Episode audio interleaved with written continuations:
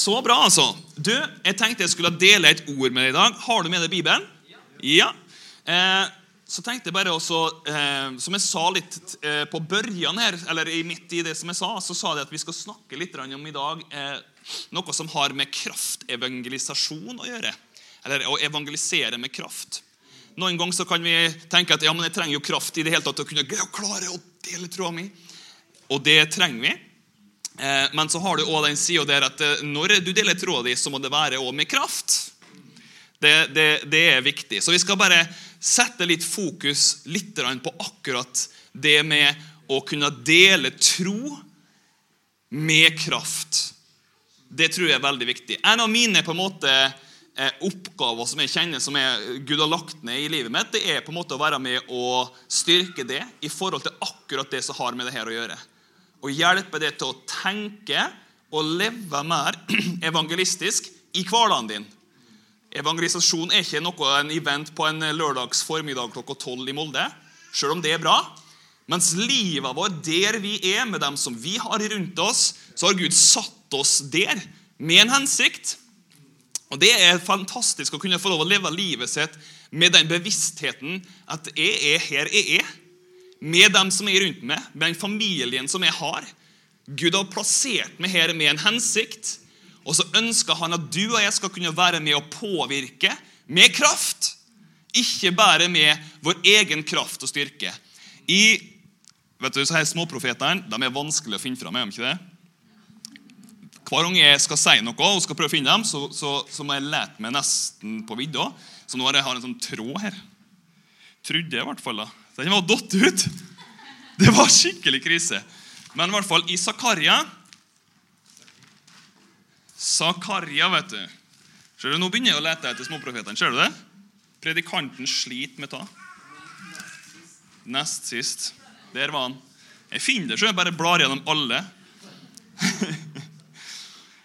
I Zakaria kapittel 4 og vers 6 så sier han her jeg tror faktisk det her er en engel som sier noe til en som heter Jonah. Nei, Josva. Så sier han dette er Herrens ord til Serubabel. Ikke ved makt og ikke ved kraft, men ved min ånd, sier herskarenes herre. Hvor ofte er det ikke at vi faller i den fella det at vi tror at det er vår flinkhet, det er vår makt, våre anstrengelser, våre opplegg som på en måte ytterst sett vil berøre mennesker. Kanskje ikke helt bevisst, men litt sånn ubevisst. Men så er Gud der at eh, folkens, jeg vil at ditt liv på alle måter skal være i en avhengighet til meg, til min ånd. Dette er jo liksom litt sånn en hovedhjørnestein eller byggestein i pinsebevegelsen nå pinsekrafta, liksom. Det at vi trenger Den hellige ånds kraft i våre liv, for eget liv, men òg for å kunne bringe det livet videre til andre.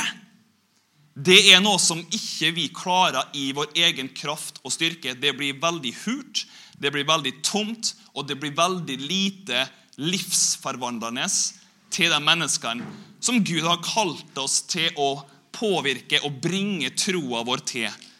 Jeg syns dette er viktig å sette fokus på. Jeg tror at vi er inne i en sånn tid der det å kunne bringe evangeliet, troa videre, med en, noe mer enn på en måte vår egen flinkhet, er kjempeviktig. Ikke bare i settinger sånn som vi sitter nå, liksom, i, men òg der du er. At våre liv de måte, det er noe som folk bare gjenkjenner at det her er noe mer enn bare ord. Det er så, så viktig. Hvorfor er kraftevangelisering da viktig? Det er jo et godt spørsmål å stille seg. Hvorfor er dette viktig?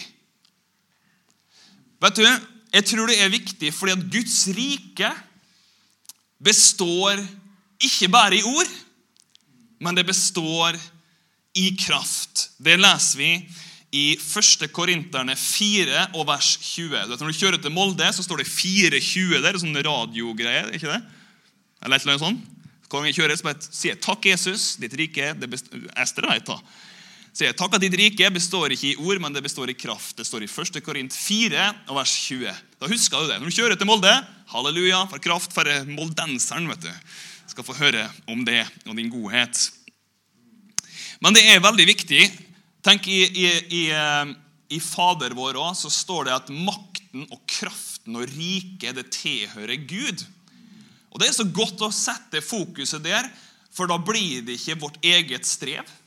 Da blir det ikke våre egne prestasjoner. Da blir det ikke våre, e, våre egne på en måte uttenkte formularer på hvordan folk skal bli berørt av evangeliet. Krafta kommer fra Gud. Og det er en sånn, For meg, da, jeg er jo, jeg er jo i, det, evangelistiske, for meg så hviler jeg på det. Det er så godt å vite det. Til og med nå når jeg står her, så bare hviler jeg på at Den hellige ånd vil bringe ting til det som jeg ikke klarer å si engang. En hviler på noen andre, og det er så godt. Men det viktigheten i det, det er at krafta kommer ifra Gud. Det er nydelig. En annen grunn til at dette er viktig, det er fordi at Jesus han satte fokus på det her. Jesus snakka ikke om kraftevangelisasjon, men han satte fokus på å leve et liv som utstråla Guds kraft. Vi leser om Jesus òg at eh, Det er litt interessant, egentlig. Jesus han er jo født av Ånden. Han eh, lever jo fra unnfangelse. Han var jo født av jomfru Maria, unnfanget av Den hellige ånd. Stemmer ikke det? Ja. Så at han har jo ånden fram til han blir døpt. og så står det at Den hellige ånd kommer over han, og så begynner han sin tjeneste, der du ser at plutselig så begynner det å skje masse rundt Jesus. Tenk på det. Tenk på en Sakkeus, liksom. Jeg kunne tenke meg at Han som skrev det ned i Bibelen, hadde sagt litt mer om det møtet der. Men hva var det som gjorde at han var villig til å oppgi det som han hadde stjålet og bedratt folk med? Hva var det som gjorde når han satte seg ned med hun kvinna ved Sykarsbrønn der, med hun kvinna fra Samaria? Hva er det som gjør at hun bare slipper krukka si midt på dagen og springer tilbake uten det vannet hun faktisk var der for å hente? For å rope ut her er det noen som har fortalt meg alt om meg. Og Det ender med at både hun og hele den regionen som hun var en del av, snur seg til Jesus og begynner å tro på han. Hva var det Jesus gjorde der? Han demonstrerer litt det som jeg prøver å snakke litt om i dag. Han kom med mer enn ord. Han kom med overbevisning. Han kom med en kraft som ikke han prøvde å presse ut eller presse på henne, men som han slapp til. Og det gjorde at Gud fikk det rommet til å virke gjennom en og i henne som han snakka med. Jeg har prøvd å definere kraftevangelisasjon. Eh, og så har jeg definert det slik Kraftevangelisasjon er Guds overnaturlige styrke, evne og effektive kraft virksom i det og i den du deler din tro med. Jeg tar den en gang til. Kraftevangelisering er Guds overnaturlige styrke, evne og effektive kraft virksom i det og i den som du deler din tro med. Det står om Jesus i apostelgjerningen 10, vers 38. så står det hvordan Gud salva Jesus med Den hellige ånd og kraft. Og Han gikk omkring og han gjorde godt. Han helbreda alle dem som var underkua av djevelen, fordi Gud var med han. Men det er interessant å se der at det står han salva Jesus fra Nasaret med kraft. Det er hans menneskelige tittel. Sånn at når han gjør det han gjør, så modellerer han det for det og med. Det med å vandre ut og kunne gi evangeliet videre i kraft, det modellerer han for oss ved å motta Den hellige ånd og hans sin fylde på en sånn måte at det flyter uten hans egen anstrengelse til andre.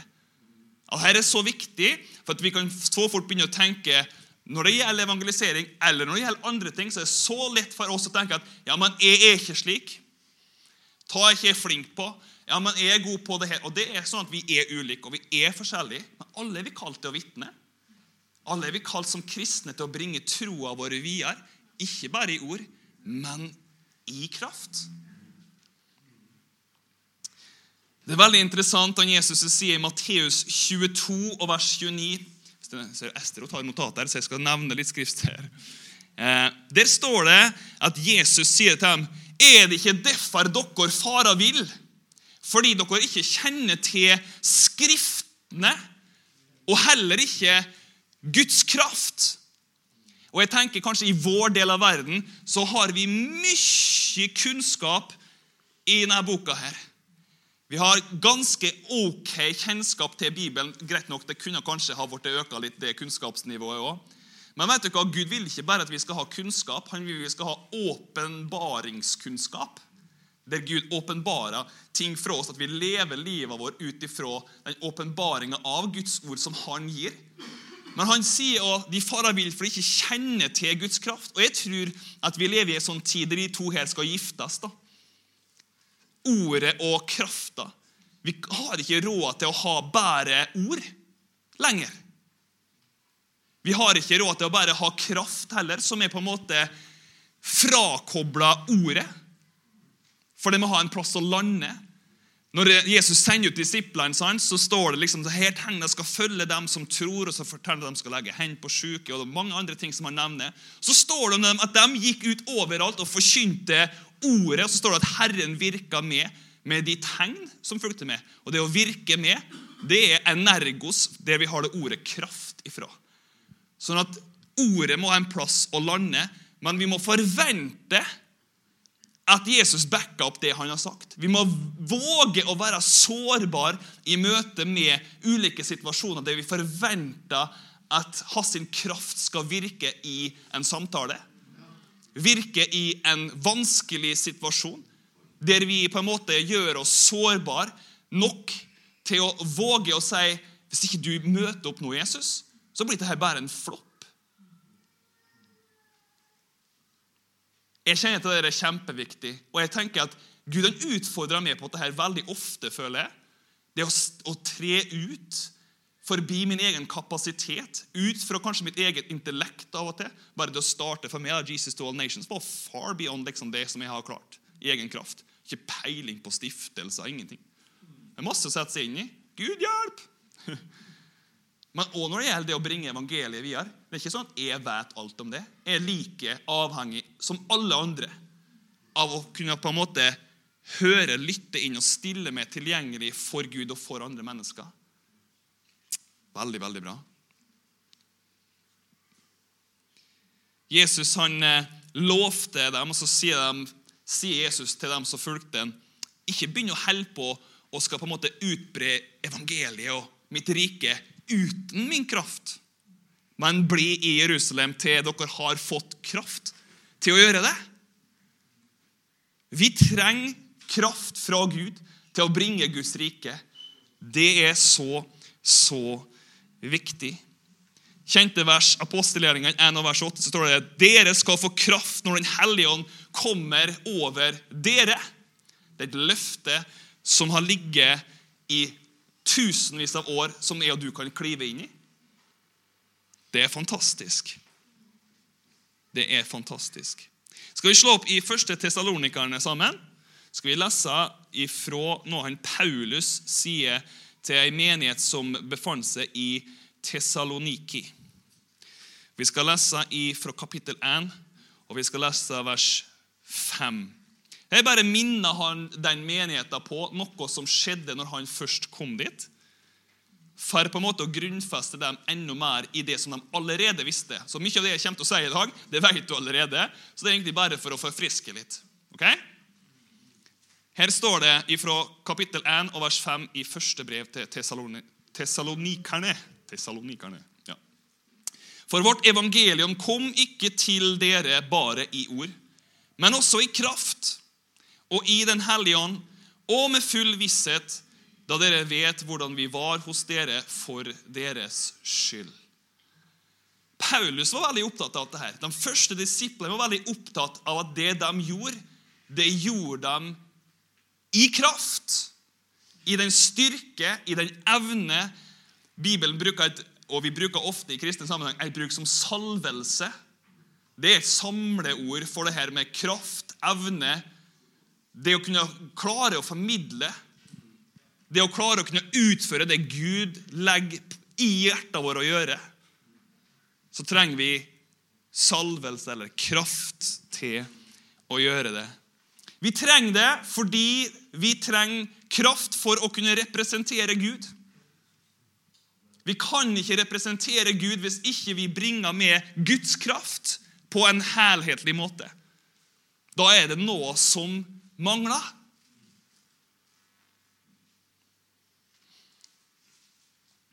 Det er lett at blikket faller på oss sjøl, som jeg sa til å begynne med. Vi må løfte blikket til Gud. Og i det så trenger vi hans kraft for å representere han som Guds folk. Hvorfor trenger vi kraftevangelisering? Hvorfor er det viktig? Fordi det bringer overbevisning. Som jeg nevnte med Sakkeus og med kvinnen ved Sykars brønn, f.eks. Det brakte en overbevisning om at Gud er til. Han er her, han ser, han gjør noe. Jeg sa det på ungdomsmøtet i, i, i Molde her på fredag. At Jesus han er ekte, at du kan oppleve ham. Det er annerledes enn bare ord. Det stiller hele stagen og arenaen på en sånn måte at Ja, men prøv, da. Og stole på at mennesker vil få møte han i det de kliver ut i det.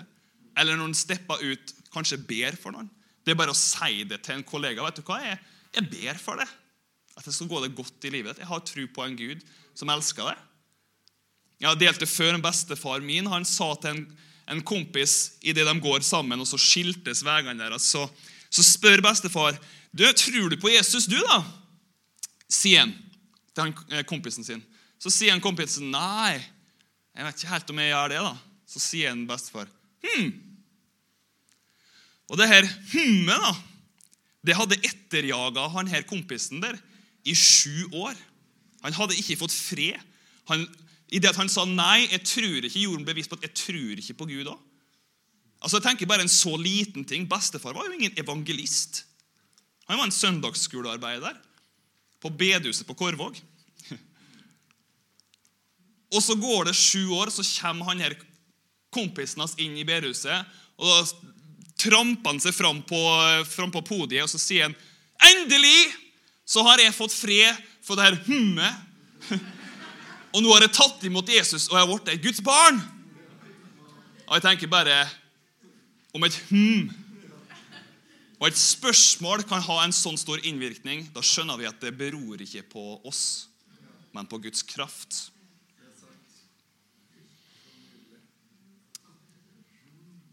Hmm. Vi må begynne å humme litt mer. Men hva er kraftevangelisasjon? Kraftevangelisasjon tror jeg jeg vil si at det er normen i det kristne livet. Det er ikke og skal ikke være unntaket. Det skal være normen, det skal være kjennetegnet vårt. Ikke bare det at det er helbredelser og at det er tegn og under. Jeg elsker sånne ting. En evangelist er ånda for sånt. Ikke for at det er så spektakulært, men for at det utgjør så ufattelig stor forskjell i folk som lir, som sliter, og som har det vanskelig. Men også i våre ord. Det er helt avgjørende, og det skal være normen. Vet du, ja. Det er så fantastisk han Joel. Han kan det der. Han har lært seg det hummen, han. Han sier hm. Fantastisk. som ble litt satt ut av en. Han er veldig kjekk. Det skal være normen. Det skal ikke være unntaket. Det står i Bibelen at eh, det er satt noen i menigheter for at menigheten skal bli utrusta til tjenestens arbeid, inntil vi alle vokser opp til manns modenhet, at vi rommer Kristi fylde. At vi skal vokse opp til Jesus i alle ting, også når det gjelder kraft. Nå zoomer jeg jo inn litt på det på det møtet her. Det som har med kraft å gjøre. Det vi ser i Jesus sitt liv når han går omkring og gjorde godt. Hva betyr det? Å gjøre godt mot andre. Det er ganske masse, ja. Men ikke bare veldedighet og godhet, selv om det er viktig og selv om det er bra, men med en lukt av himmelen over seg.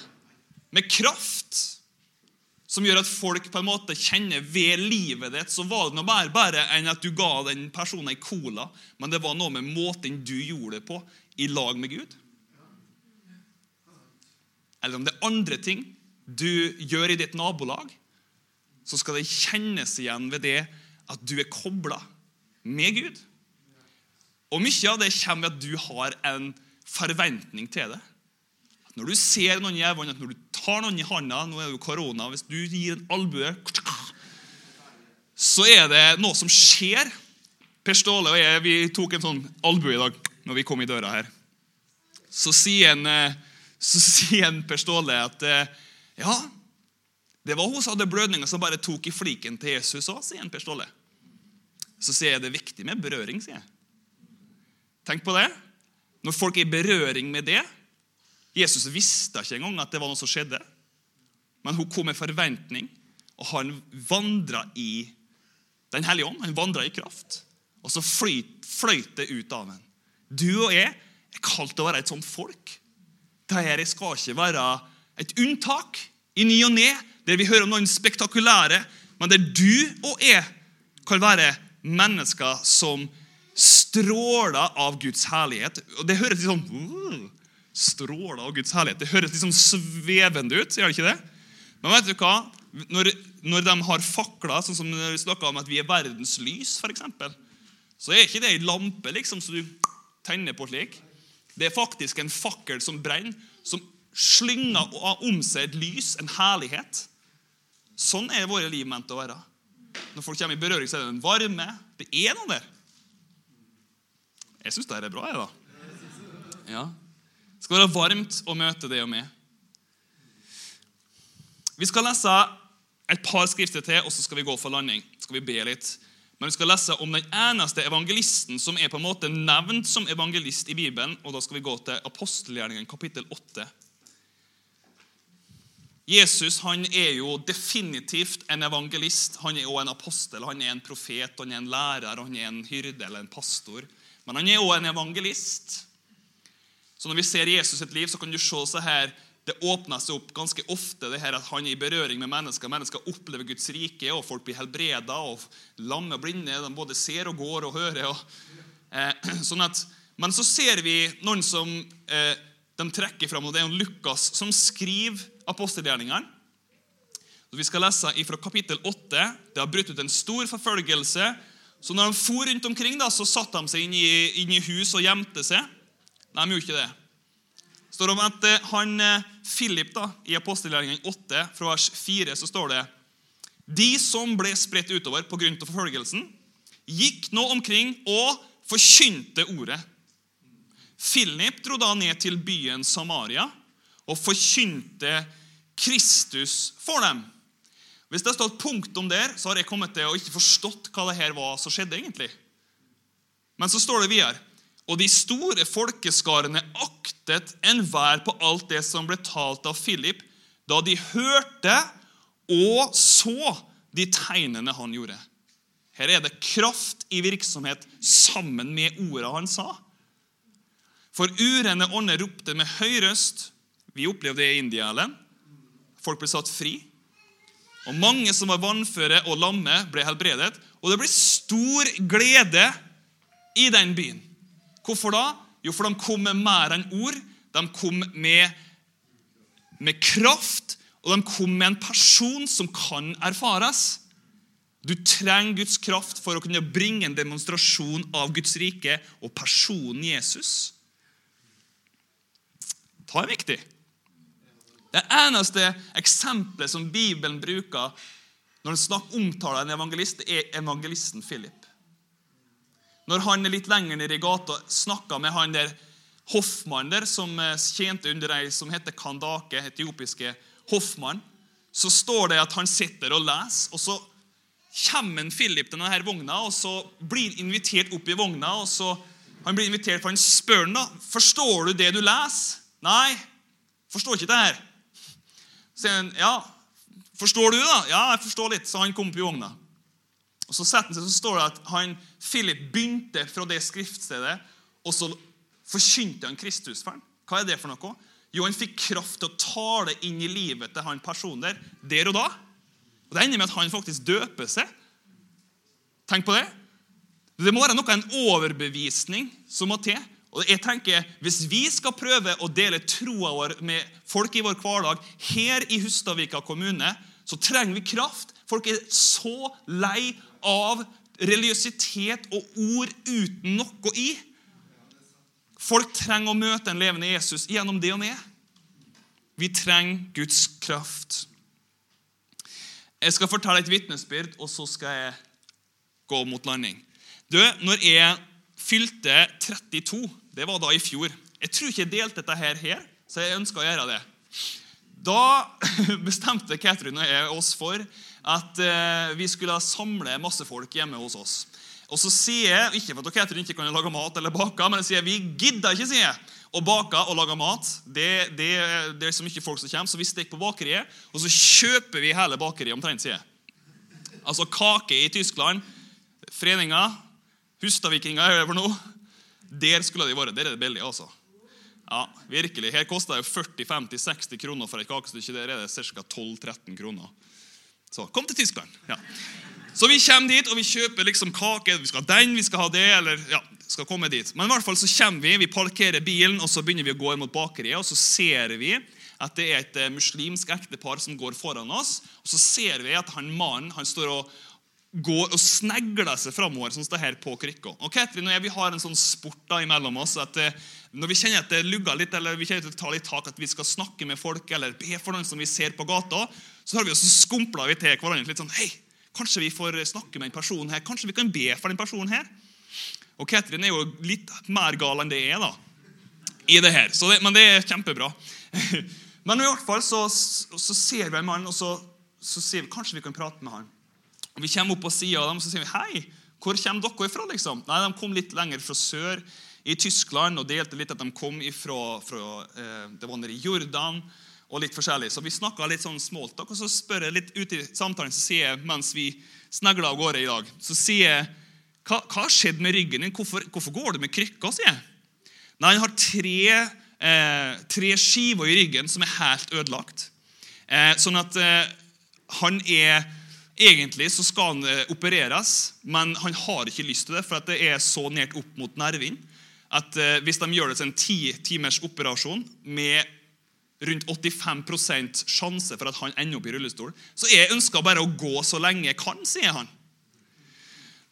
Og Så sier jeg wow, det var jo veldig spesielt. Så sier jeg, men eh, hvis du vil, sier jeg Jeg har fått oppleve at Jesus han lever, at han gjør ting i dag. Når vi ber til han, kan jeg få lov å be for det? Ja, vi ber, vi òg, sier han. sant? Ja, men Så bra, sier jeg.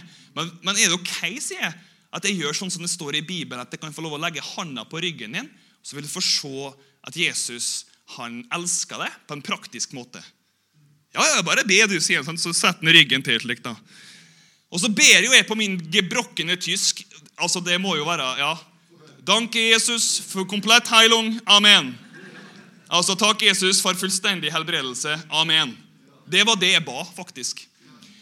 Og så spør ikke han der og da om han skal teste, eller sånn, men så bare går vi videre sammen. og Så smetter vi inn på bakeriet, og de går ned mot hovedgata. Og så står jeg og Katrin og peker ut hvilke kaker vi skal ha, og vi, vi fridde oss over det. Så plutselig så bare kjenner jeg på skuldra mi, og jeg snur meg rundt, og der står Imran, heter han.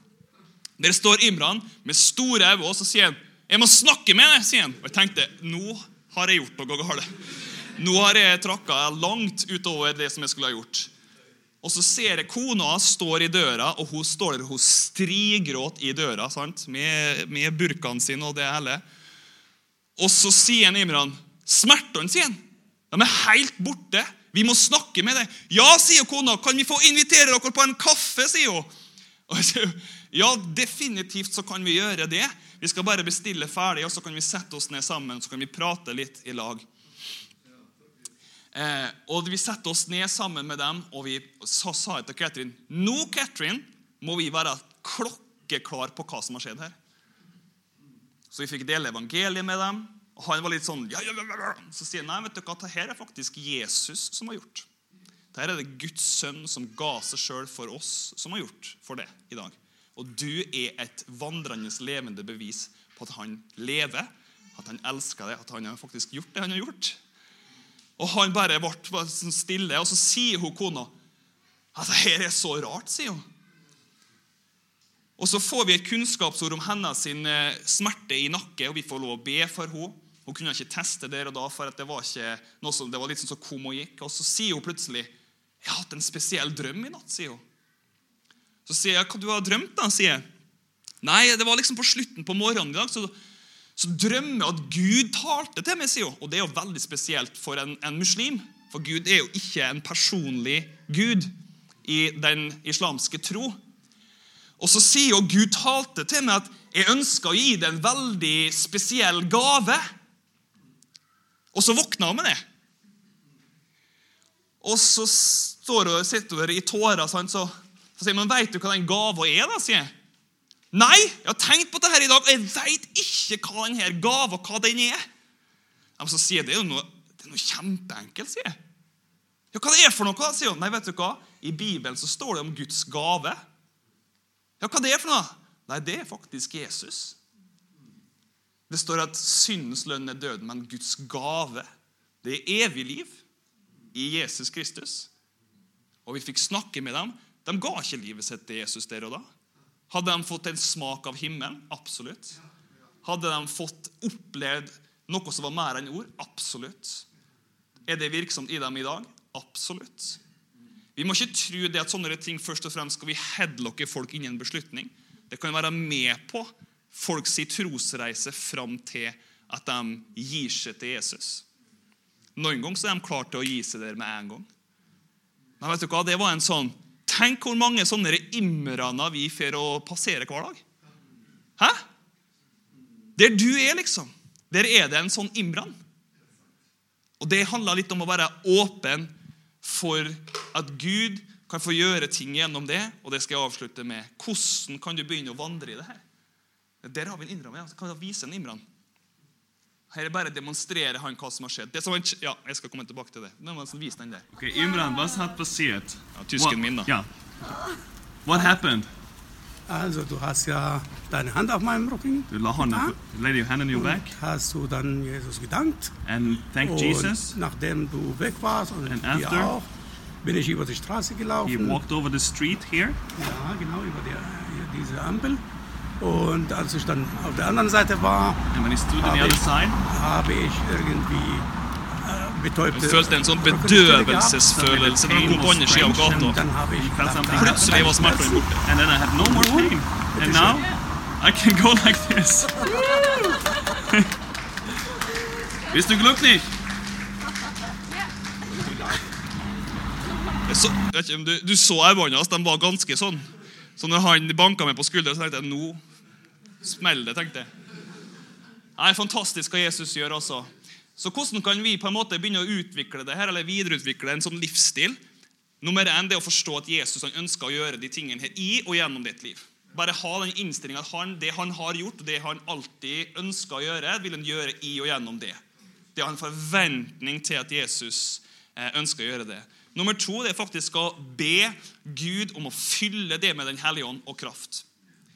Eh, ha en sånn positiv lengsel etter det.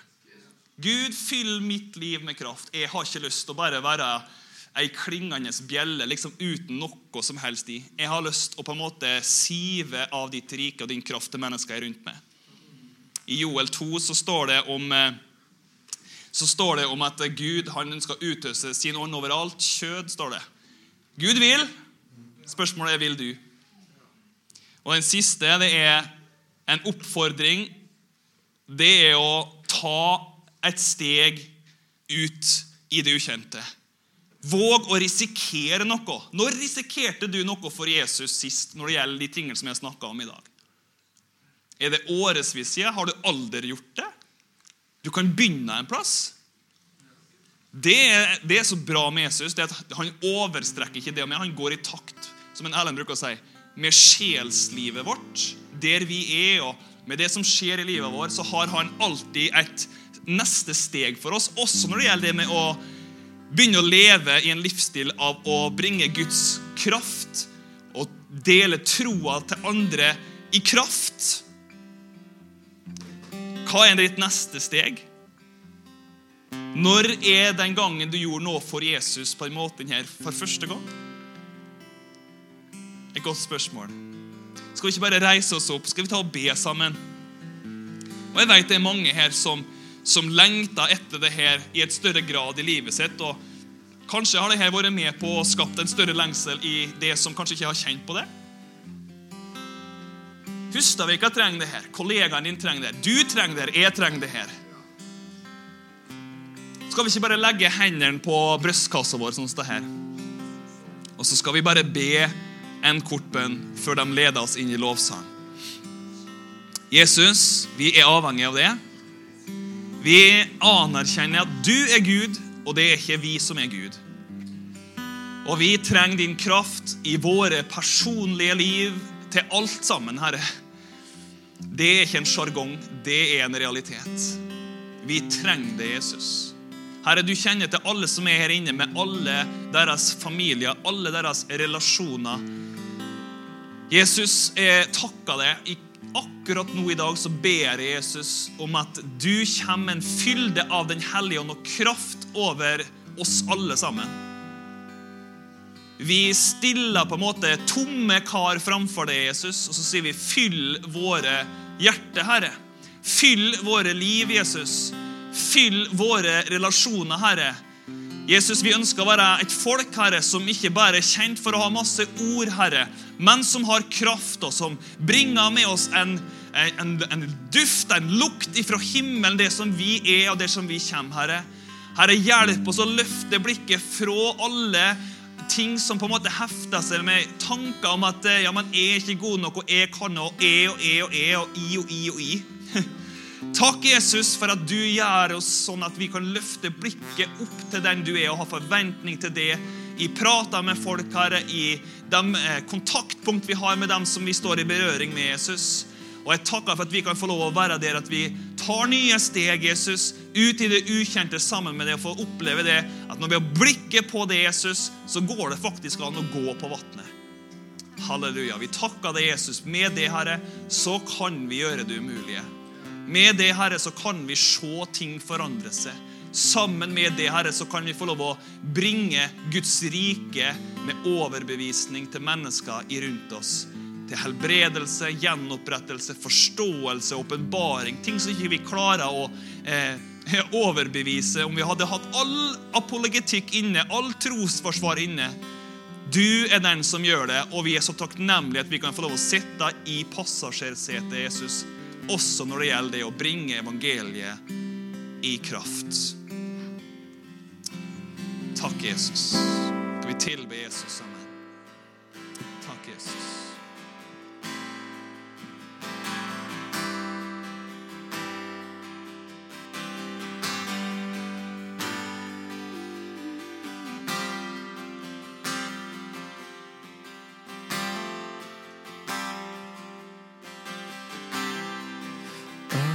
Amazing love that welcomes me, the kindness of mercy. That bought with blood,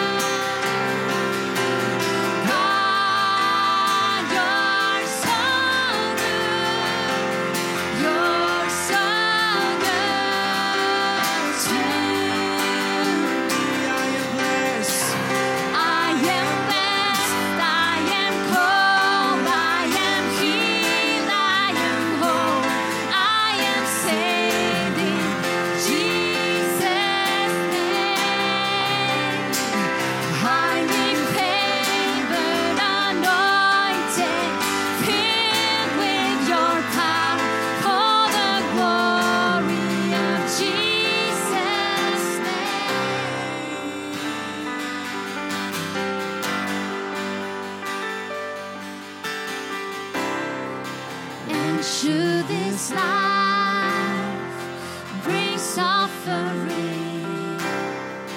Lord, I will.